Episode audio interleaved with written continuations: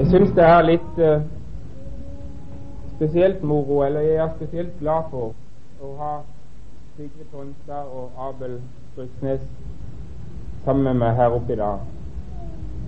I skoleåret 70-71 gikk vi på Tyrifjord i samme klasse. Og det er mange ting som er takknemlige for det som skjedde det året vi var på skolen der. Det skjedde også ting som man ikke ville gjort i dag. Jeg husker spesielt en gang hvor Jens var vår bibellærer. Og vi var fryktelig, fryktelig liten lyst på å ha bibeltime. Og Abel og meg gikk oss bort igjen som ikke vi kunne få lov til å spille badminton isteden. Og det fikk vi lov til. Nå har Jens vært der hele denne uka, og vi ville ikke ha stilt han det samme spørsmålet nå. Etter skoleåret, når vi var russ, så brukte vi den tida i en virksomhet som vi hadde på Voss. Vi hadde trykt opp russ, en russavis. Vi var uh, mellom 20 og 30 russ, og vi hadde trykt en russavis i 40 000 eksemplarer som vi forsøkte å spre landet over. Vi fikk nå spredd en god del av den, men det ble også en god del liggende igjen rundt forbi menighetene. Men det året og den tida sammen på Voss sveiste oss veldig godt sammen. Og det er eh, det kameratskapet som utvikler seg der, selv om vi i en del år har vært hver på våre steder, så er det noe som ikke forsvinner. Noe som man som hjelper en på en måte.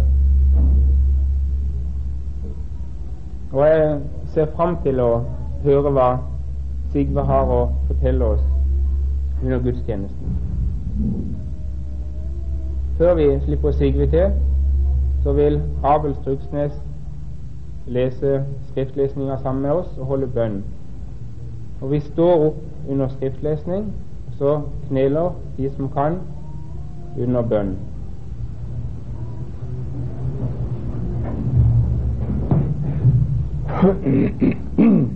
Ja, vi skal lese fra Matteus, det 26. kapittel, det 20. til 22. vers i Jesu navn. Men da det var blitt aften, satte han seg til bords med de tolv, og mens de åt, sa han, Sannelig sier jeg eder, en av eder skal forråde meg. Og de ble meget bedrøvet og begynte å si til ham hver for seg, Det er da vel ikke meg, Herre? Skal vi be sammen? Skal vi knele ned og be?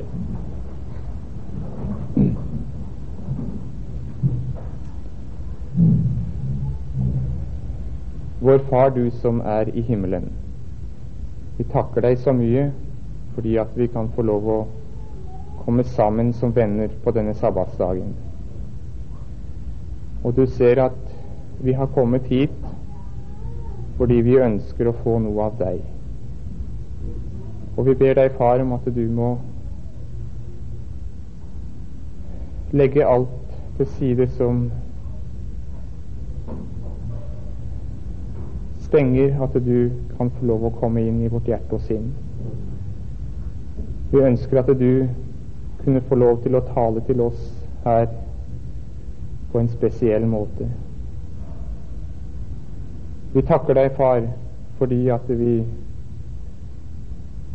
nå, Om vi er venner, så er vi mange ganger langt borte fra hverandre.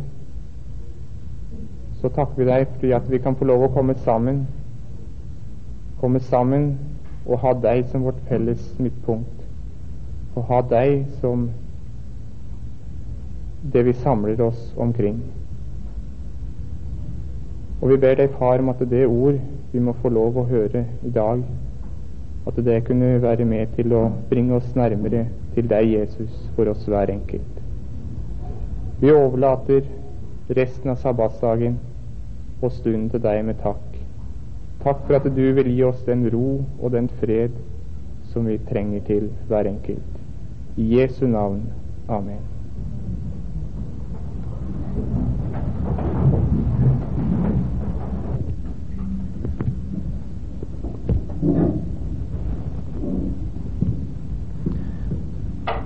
Ja, jeg synes i grunnen at uh, det jeg hadde tenkt å snakke om, uh, forandrer seg litt og kanskje kan uh, gjøres enda mer meningsfullt. Det blir iallfall det for meg ved det Lasse snakket om så vidt. At vi tok farvel med Tyrifjord sammen, Lasse og Abel og jeg, i 1971. Og, og møtes igjen. Det er noe rart ved det å møtes igjen. og det er noe noe godt ved å møtes igjen i en sånn sammenheng som dette. Jeg uh, kunne ikke tenke meg et bedre sted å være enn her. Og jeg tenker ikke på da uh, stedet som sådan, Herregård eller Hjertegod eller det der. Det er ikke stedet, i, dette stedet som bestemmer at jeg syns at dette er så godt, men at jeg møtes sammen med dem som uh, som begynte noe. Vi begynte noe sammen. Vi har fått våre sår og våre arr siden den tid. Og nå syns dere sikkert jeg høres forferdelig gammel ut, men uh, da er det bare fordi vi har et følelsesliv som, uh, som er sånn at vi må, vi må, si noe om det der. At vi, at vi møtes igjen som brødre. og vi er her. Det beste ved våre liv akkurat nå, det er at vi er her. Vi er om bord fremdeles. Vi er ikke alt det vi skulle ha vært, men vi er om bord. Vi er med, vi er disipler. Torfinn Sagmo gikk nettopp inn her. Jeg så han for et øyeblikk siden. Hei, Torfinn. Torfinn holdt liv i meg på Andrews. Vi møttes i Berrien Springs, og jeg hadde dårlig råd og elendig råd. Og Torfinn ga meg en jobb og hjalp meg sånn at jeg ikke gikk konkurs og gikk til grunne der. Eh, vi møtes igjen her, og det er bra å møtes igjen her. Geir Frivold sitter her. Geir gjorde det jeg skal snakke om eh, dette, på dette møtet i dag. Han viste meg tillit i forhold til Gud på et tidspunkt da det var galskap å vise meg tillit, og hjalp meg inn i en avgjørelse i forhold til Gud. Geir og jeg har vært sammen på Lomma Linda i, i mange år. Nå er han også her. Vi møtes igjen her. Og det viktigste ved våre liv akkurat nå, akkurat i dag, er at vi er her, er at vi er om bord. Uh, samme hva som uh, måtte ha at, Ja, vi er her, og det er det som teller. Uh, det teller enormt mye. Skal vi lese fra Matteus, det, 25, det 26. kapittel, og gå tilbake til skriftlesningen? vi leser fra Matteus 26, 20. Da det var blitt kveld, satte han seg til bords med de tolv. Mens de spiste, sa han, Sannelig, jeg sier dere, en av dere skal forråde meg. Ja, dropp Matteus og gå til Markus istedenfor, i Markus det 14. kapittel. Må lese det samme der. Det, Markus og Matteus er stort sett enige om det som var viktig i, i evangeliet. da Matteus er litt mer opptatt av de talene som Jesus holdt, men stort sett så følger de samme, den samme disposisjonen, den samme uh, kursen. I, Markus det 14. kapittel og det 17. vers så skriver han da det var blitt kveld, kom Jesus dit med de tolv. Mens de satt til bords og spiste, sa han, sannelig, jeg sier dere, en av dere skal forråde meg, en som spiser sammen med meg skal vi ta et sprang til Johannes, som også syntes at han måtte si noe om dette som skjedde. Johannes det 13. kapittel. Johannes 13, og det var vers 21. Da Jesus hadde sagt dette, ble han rystet i sitt innerste og utbrøt.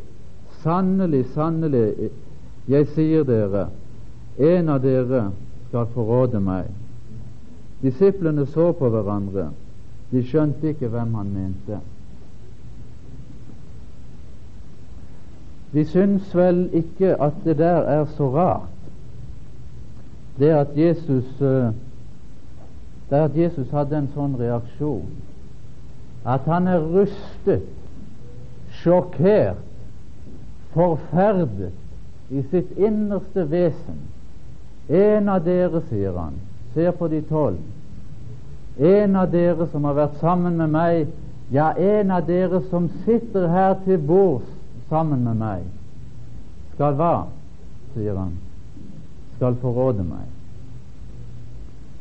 Kanskje vi kan komme han til unnsetning. Kanskje vi kan gi Jesus en håndsrekning.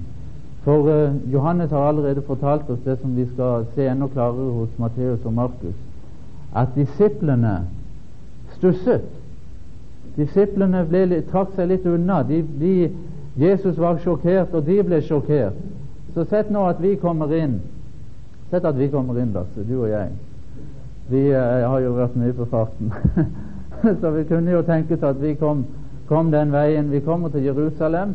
Det er en torsdag kveld, og vi er på jakt etter det som er mest eh, interessant akkurat den kvelden. Og det er selvsagt at Jesus er eh, samlet da med sine disipler oppe på dette rommet i, i, uh, i den skråningen ned mot Kedronbekken. Og vi kommer inn der, og vi får lov å komme inn. Og akkurat idet vi kommer inn, så hører vi Jesus si disse ordene til disiplene. Vi kommer inn der, og så ser vi det er stille i salen. Dødsstille. Og så sier Jesus, og vi hører det, en av dere skal forråde meg. Så kommer vi inn, og vi er godt forberedt. Er, vi får la, gi blaffen i kronologien her at det ikke helt stemmer dette. Vi, vi blander sammen vår tid og den tida. Vi kommer inn der, og vi har lest disse beretningene. Vi kjenner disse disiplene. Vi har hilst på dem. Vi har lest om dem i Matteus, Markus, Lukas og Johannes. Vi vet hvem de er, alle tolv. Og de har liksom studert disse karaktertrekkene. Og nå ser vi en, et problem her. Jesus har sagt en av disiplene skal forråde ham. Og det synes viktig, vesentlig, å avsløre hvem denne skurken er, hvem, hvem den skyldige er. Så vi får støttende til, og vi skal nå hjelpe Jesus å finne hvem som, eh, hvem som skal gjøre dette. Hvem er det som skal forråde ham? Hvem skal vi peke ut som den som forråder Jesus? Du har tolv å velge mellom, ikke flere. Du har tolv der som satt til bords med ham. Nærme, hans nærmeste disipler. Hvem av dem skal vi plukke ut som den mest sannsynlige skurken iblant dem? Har dere forslag? Kom igjen, kom med forslag. Du har tolv å velge mellom. Du har én sjanse blant tolv at du kan treffe, full, treffe og har, du kan få tolv forsøk og, for, og forklare, forklare, hvem du velger, og hvorfor du velger ham. Ja, hvem ville vi velge? Du ville ikke, vil ikke ta sjansen på, på å velge noen? Nei. Ja, vi, vi er ikke blitt spurt. Men vi, vi, vi, venter ikke på å bli spurt, for dette er et så kritisk spørsmål at vi, vi uh, melder oss frivillig, vi. Vi kan ta dem i forhør, vi kan se over forsamlingen. Det skulle være mulig å plukke ut en som vil forråde Jesus. Det skulle da være mulig å se hvem det er. Det skulle da være så noenlunde opplagt hvem som vil begå en såpass drastisk handling. Skulle ikke det? Kan vi ikke se det i øynene hans? Skulle ikke det være, være ganske greit å se det? Skal vi gjøre et forsøk? Skal vi ta Thomas? Thomas, det, Hva syns dere om Thomas? Syns ikke dere det ville være et brukbart forslag? Thomas, han som eh, het, Hva het han? Hva annet enn Thomas het han?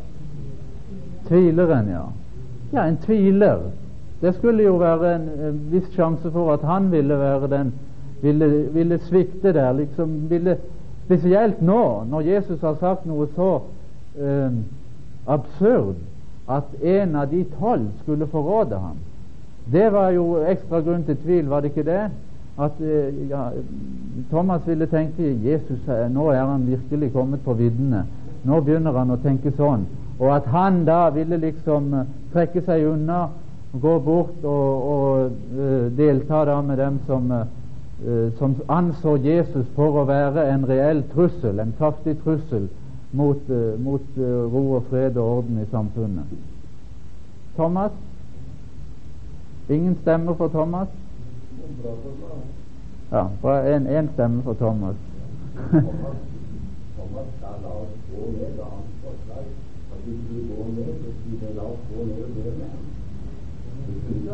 Ok, forsvar for Thomas. Thomas uh, var den som uh, liksom sa ja vel, hvis Jesus absolutt skal gå der og dø, så, da, så står vi sammen med ham, Vi, vi vil bli med.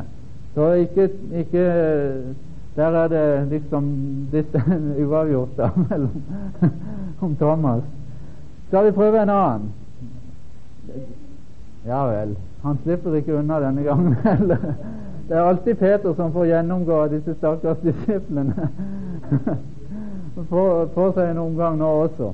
Ja, Hvorfor velger vi Peter? Hvorfor tror vi at han kunne være den som ville forråde han? Ja, han er litt, eh, litt vankelmodig, litt lett påvirkelig, litt impulsiv, ustabil. Og nå som det virker, det synes å skal røyne på for Jesus, han skal bli forkastet, han skal, han skal lide døden. Det har han i alle fall sagt selv, selv om de kanskje ikke har forstått det til fulle ennå. det er et vannskille, et veiskille for Peter, og han må han vil bli satt på prøve igjen. Kanskje det er Peter. Andre forslag. Det er vanskelig å føre bevis ennå. Vi har ikke noe bevis, men vi ser, oss, vi ser nå nøye på denne gruppen og vil gjerne finne den skyldige. Hvem andre skal vi prøve? Du har uh, ti igjen.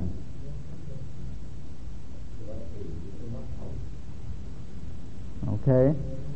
Ja, Du kommer oss i forkjøpet. Vi, vi, vil, ikke den, vi vil ikke dit ennå. Du ikke, slipper ikke unna med den. Skal vi prøve Matteus? Matteus? Hva, hva, hvilke grunner har vi for å feste en mistanke på Matteus? Toller? Ja, Rolf? Han var glad i penger. Ja, det, det tror jeg han var. Han var glad i penger, han var toller. Han var også i jødenes øyne en landssviker. Han hadde allerede en viss erfaring i dette med svik. For alle som var tollere, skatteoppkrevere eller hva det måtte være, de hadde gjort felles sak med romerne. De hadde for så vidt eh, eh, inngitt seg i et visst samarbeid med romerne. ikke sant? Går vi med på det? At de hadde eh, istedenfor å, å forkaste romerne, hadde de eh, bøyd seg da og gått inn i, i, i eh, statsetaten og arbeidet som lojale, lojale, borgere, for å si det sånn. Så han hadde en viss erfaring med svik. Matteus Kanskje det er Matteus. Ikke, dårlig, ikke noe dårlig forslag, det der med Matteus. Skal vi prøve en annen? I motsatt hjørne fra Matteus sitter det en annen. Hvem, er, hvem av de tolv disiplene har den stikk motsatte bakgrunn fra Matteus?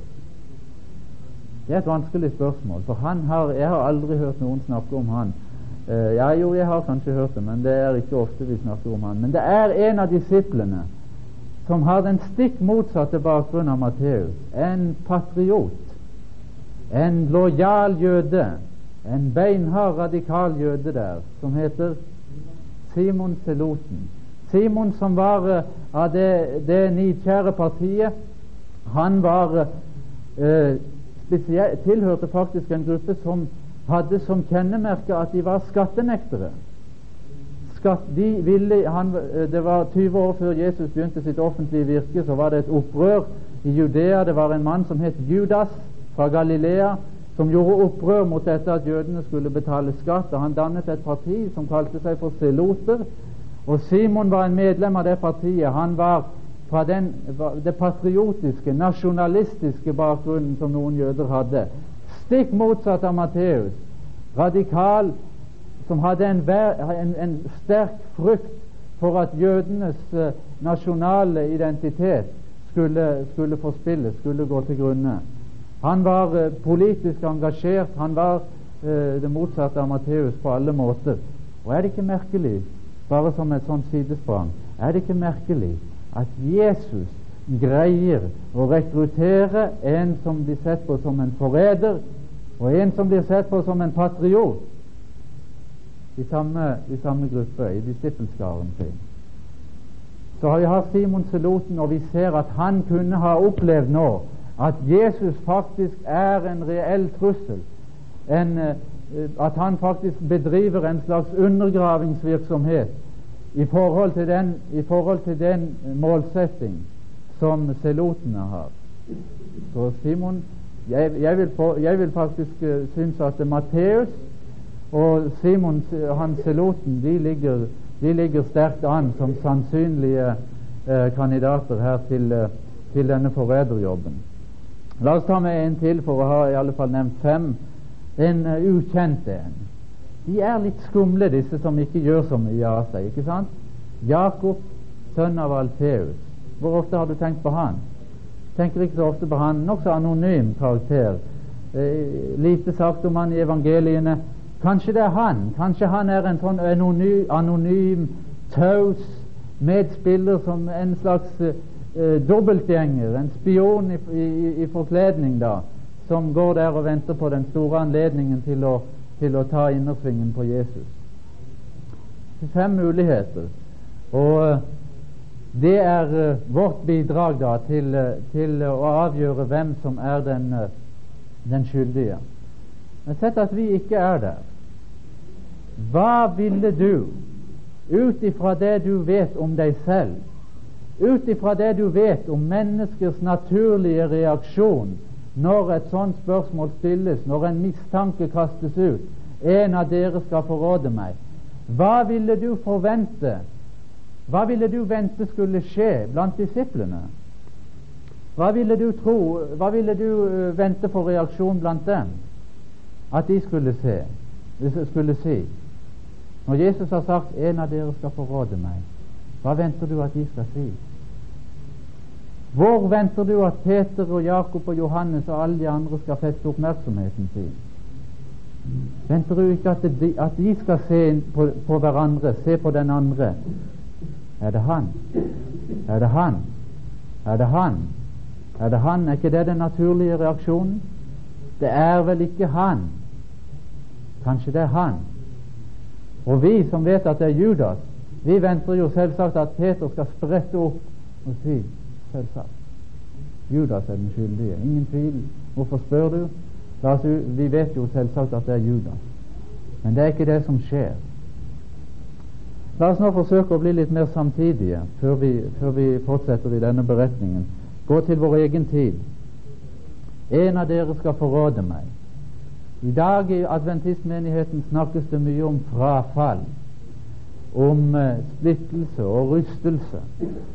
Og vi går omkring nå og ser og står for så vidt ansikt til ansikt med det samme spørsmålet som Jesus kaster ut i forsamlingen den uh, siste kvelden da de var sammen på den måten. En av dere skal forråde meg. Vet du hvem det er i dag? Du vet ikke hvem det var da. Det har du sagt.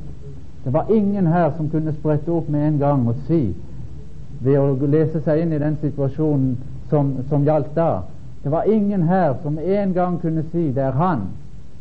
Men vet du det i dag? Vet du det i dag? Ja, du vet det i dag, gjør du ikke? Vet ikke jeg det i dag? Vet du det ikke i dag? Kom igjen, du vet det. Jeg vet at du vet det. Du vet at du vet det.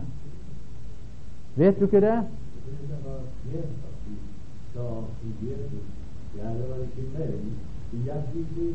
Ok, okay.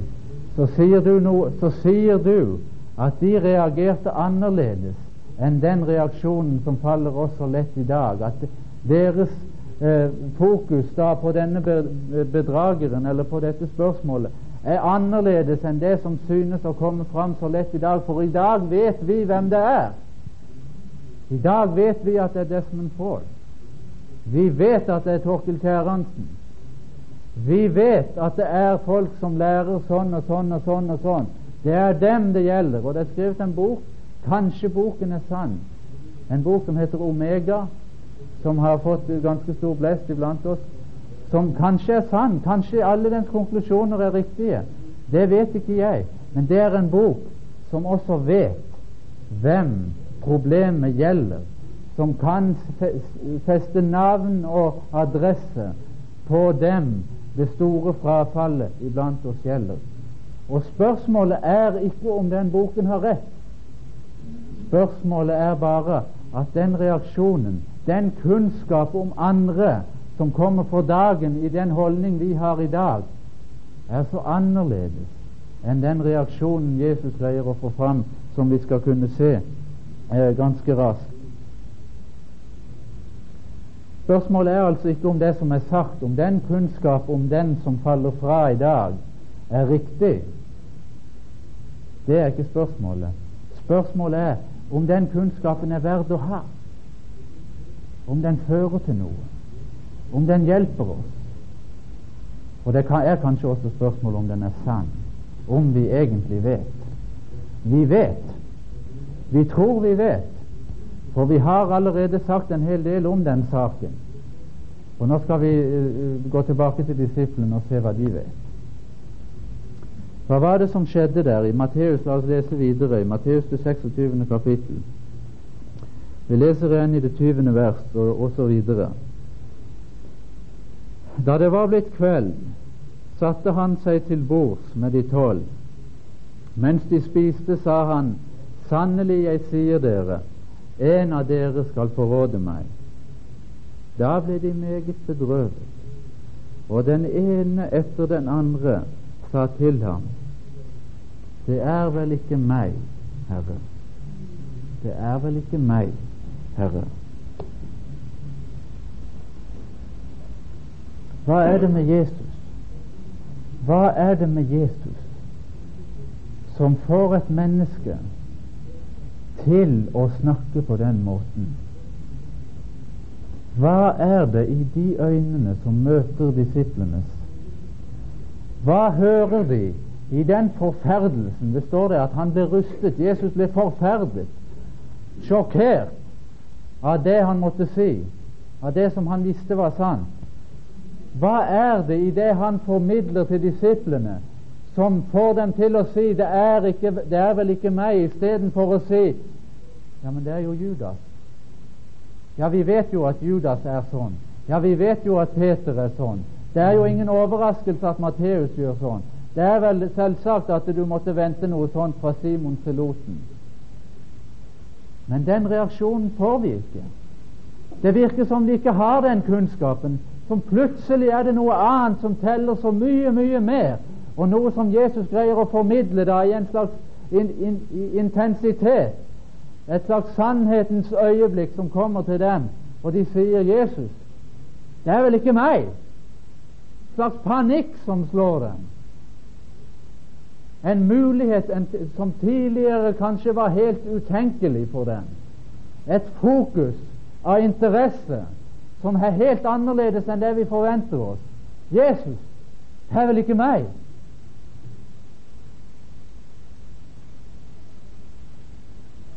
Så de går i seg selv.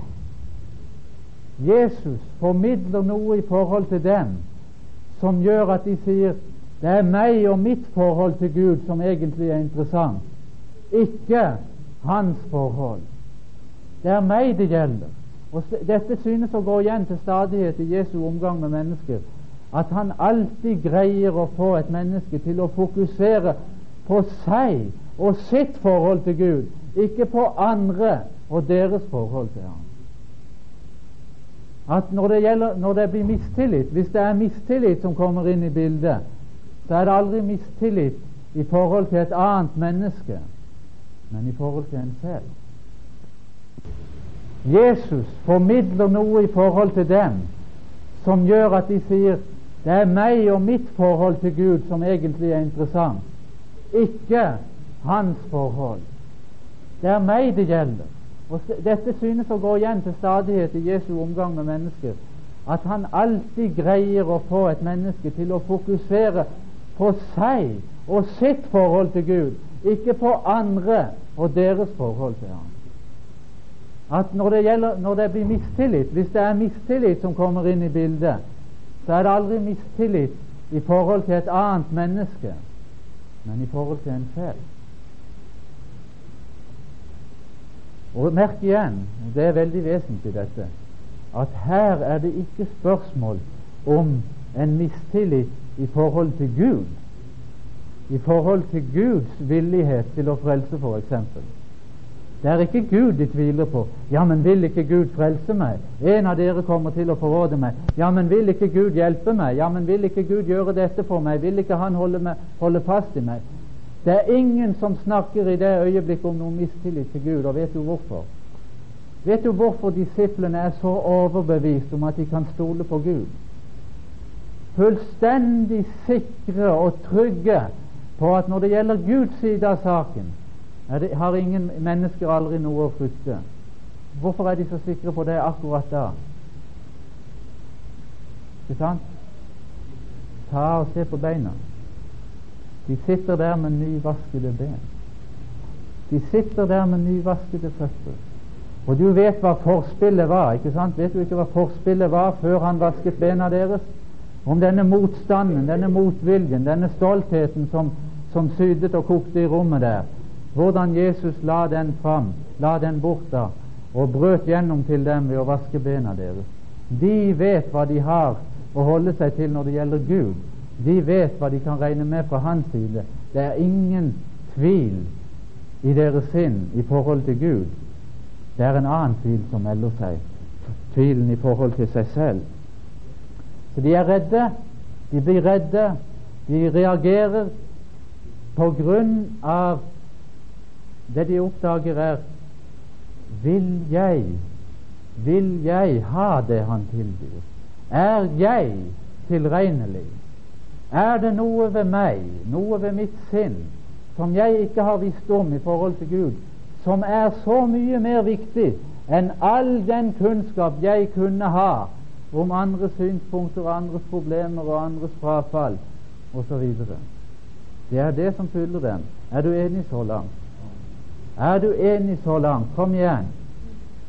Den kunnskap som fyller dem, det, det, det de blir sjokkert av, er noe helt nytt. Og det er noe som er helt annerledes enn det vi ville forvente oss, det som er vanlig i menneskets reaksjon når, sånn, når en sånn problemstilling blir uh, kastet ut eller gjort kjent. Hvem var det? Kom igjen, hvem var det? Hvem var det som skulle forråde ham? Det var Judas. Hvor mange her i salen er det som har barn som heter Judas? Er det noen av dere som har barn? Hvorfor kaller dere ikke barna deres Judas? Jeg har to jenter, så jeg har ikke hatt det problemet. slapp, å, slapp å tenke på den muligheten. Hvorfor kaller dere ikke sønnene deres for Judas? Men du liker ikke det. Du liker ikke Judas fordi han er en sviker, han en forræder, og du vil ikke eh, identifiseres med det. Men hvorfor, han, hvorfor kalte de dem Judas på den tiden? Hvorfor het Judas Judas? Og hvorfor hadde Jesus to disipler som het Judas?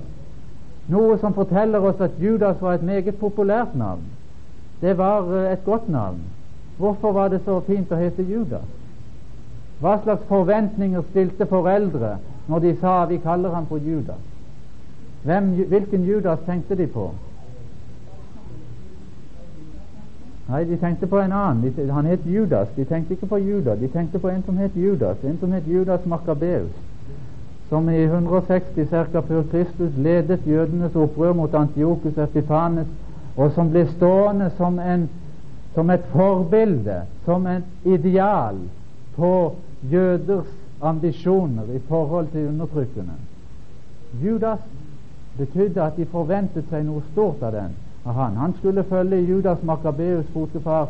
Han skulle være en frigjører, en nasjonalist, en som virkelig betydde noe for å, å gjenreise jø, eh, storheten i jødenes nasjon. Judas var det navnet du ville kalt dine, dine sønner hvis du hadde store tanker om dem når de ble født. Og det har de fleste foreldre, så derfor ble Judas et veldig populært navn. Det var fint å hete Judas. Judas var den eneste av disiplene som ikke var fra Galilea. Han var fra Judea, fra en, en by i sørlige delen av Judea som het Kariot. Judas Iskariot. Judas fra, fra Kariot. Og han var, eh, snakket Oslo-dialekt. Han var utdannet. Han, eh, han hadde greie på penger og forvaltning. Han ble rekruttert av disiplene fordi han ble sett på som den største ressursen i en ellers nokså fattigslig utrustet gjeng. Judas var en leder der. Det var ingen i den forsamlingen som mistenkte Judas. Ikke én. Det var ingen selvfølge blant dem at det var Judas eh, det dreide seg om, at han var den som, som var forræderen. Vi må nesten spørre hvorfor Jesus ikke gjorde noe mer med Judas enn det som skjedde. Hvorfor han ikke grep inn i dette. For Jesus visste det jo hele veien. Gjorde han ikke det? Jesus visste den første dagen han så på Judas, så leste han hele hans historie. Visste det alt sammen. Jesus burde jo kunne ha sagt noe, liksom uh, sluppet et lite hint her og der om at uh, disiplene burde holde en viss avstand til Judas.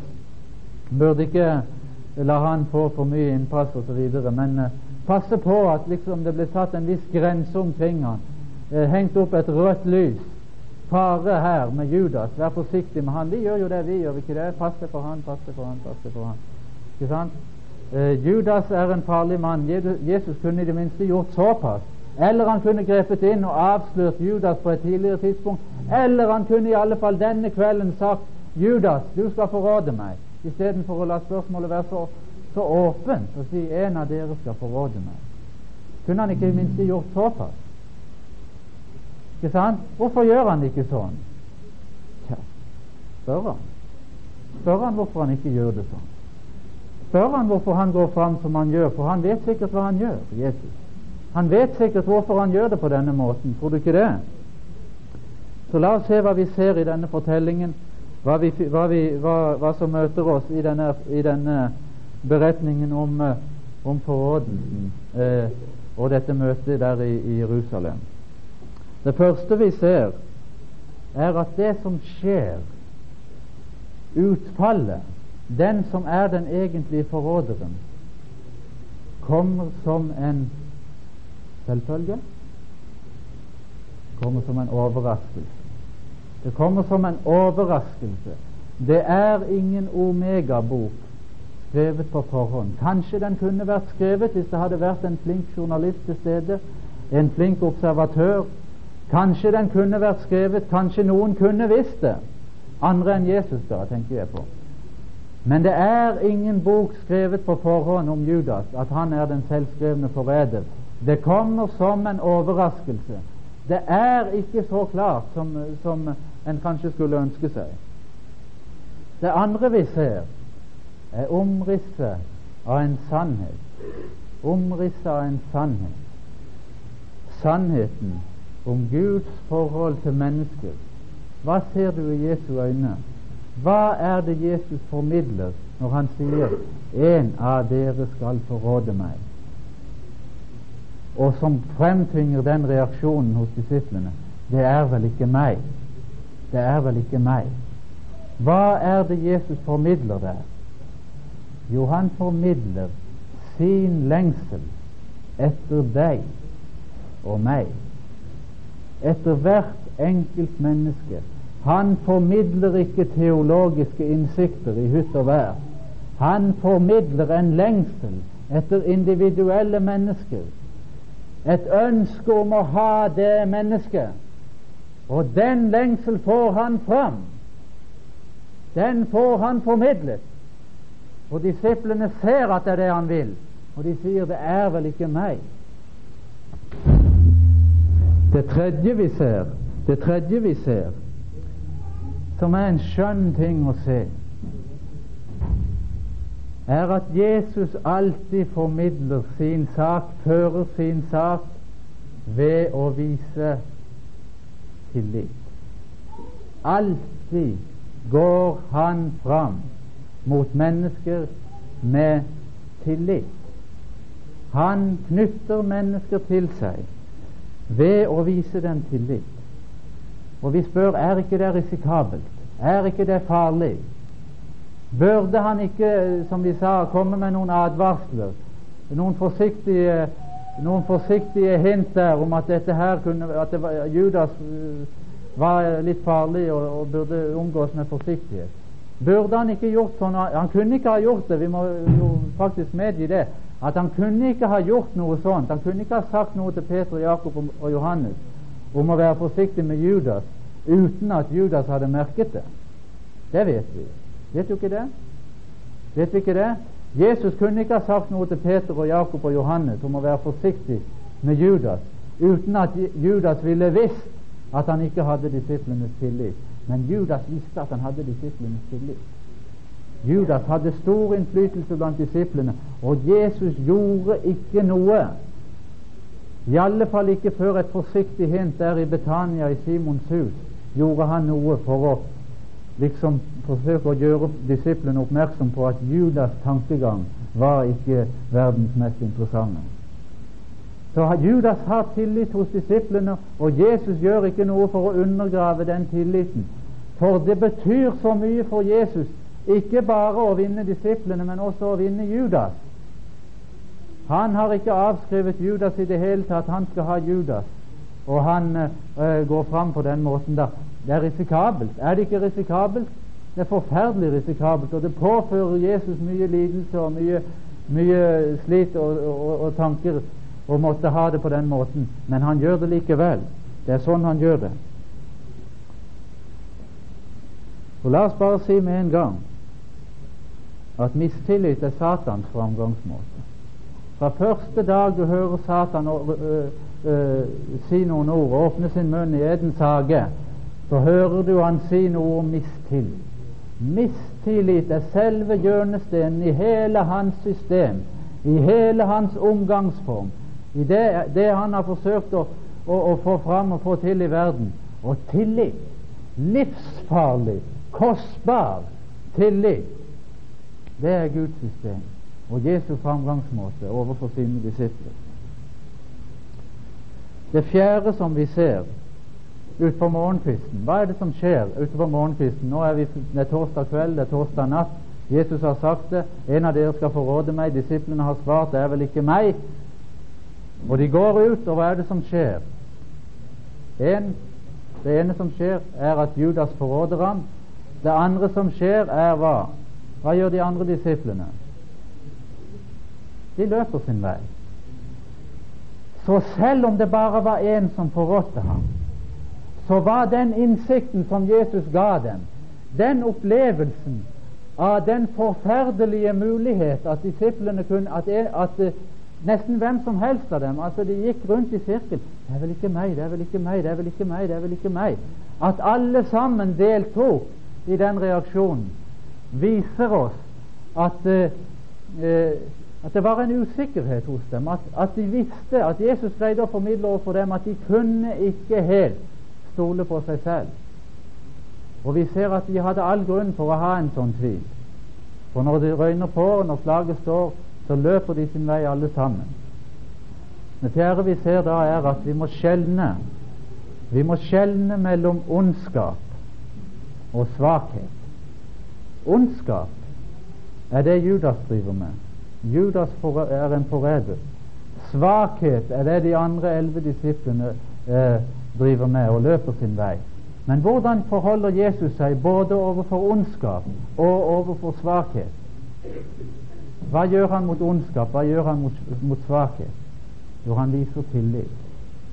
Han viser tillit helt til den siste slutt, og, og vinner da.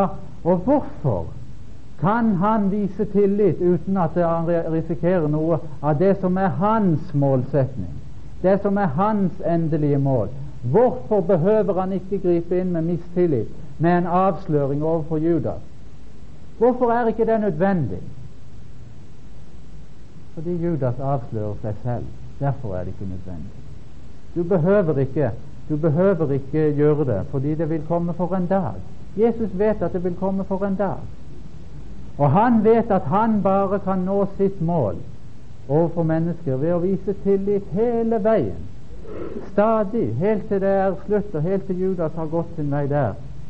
Og en annen grunn til at han, kan, at han gjør det på denne måten, og at han må vise tillit helt til siste slutt, er noe som kommer fram der i Johannesevangeliet. Vi må nesten ta det med oss i det 13. kapittel. Johannes 13. Så får Jesus fram noe som er veldig interessant. Johannes 13, 20, 27. Da Judas hadde fått stykket, for Satan i ham. Jesus sier til ham, 'Gjør det snart, det du vil gjøre'. Hva skjedde? Da, Je, da Jesus hadde gitt ham stykket, så var Judas egentlige valg tatt. Ikke sant? Det er noe som, som, forteller oss her at Judas hadde egentlig ikke valgt før da. Det endelige, avgjørende valget var ikke tatt. Og i vår situasjon så vet jo ikke vi alltid når et, hva et menneske har valgt. Og Derfor har ikke vi noen annen forpliktelse ut ifra Jesu eksempel enn å vise tillit hele veien. Ser du hva vi vet, og hva vi ikke vet? Eller ser vi heller, for det er mye mer interessant å se på hva slags reaksjon som kommer fram her, hva de visste, og hva de ikke visste, og hva de er slått av som av den aller største betydning i dette forholdet som Jesus legger fram.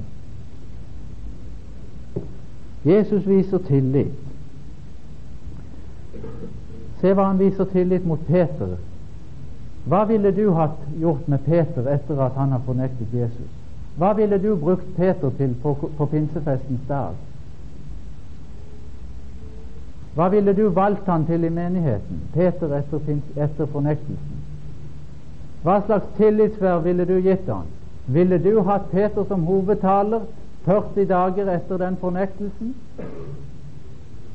Men Gud har han som hovedtaler der, fordi Gud har bare én framgangsmåte overfor mennesket, og det er å vise tillit. Å vise dem tillit og få fram hele veien da dette sentrale spørsmålet forholdet mellom meg og han. Mellom meg og han, ikke forholdet mellom et annet menneske og Gud, men mellom meg og Gud. Kan vi se det der litt? Kan vi se omrisset av noe fint der? noe som er annerledes enn den omgangsform som vi har så lett for å praktisere, og noe som er trygt å gjøre, noe som fører fram, noe som stemmer helt med det mål Gud har for mennesket. Dette at Han retter ut sine hender og, og ønsker å få tak i hver enkelt av oss, og tvinger der fram et sånt spørsmål som høres helt utrolig ut. Jesus, det er vel ikke meg? Og vi vet hvorfor han spør. Og vi vet hva slags formål han har med å få oss til å vende oppmerksomheten mot et sånt spørsmål. Skal vi be. Vår Far i himmelen,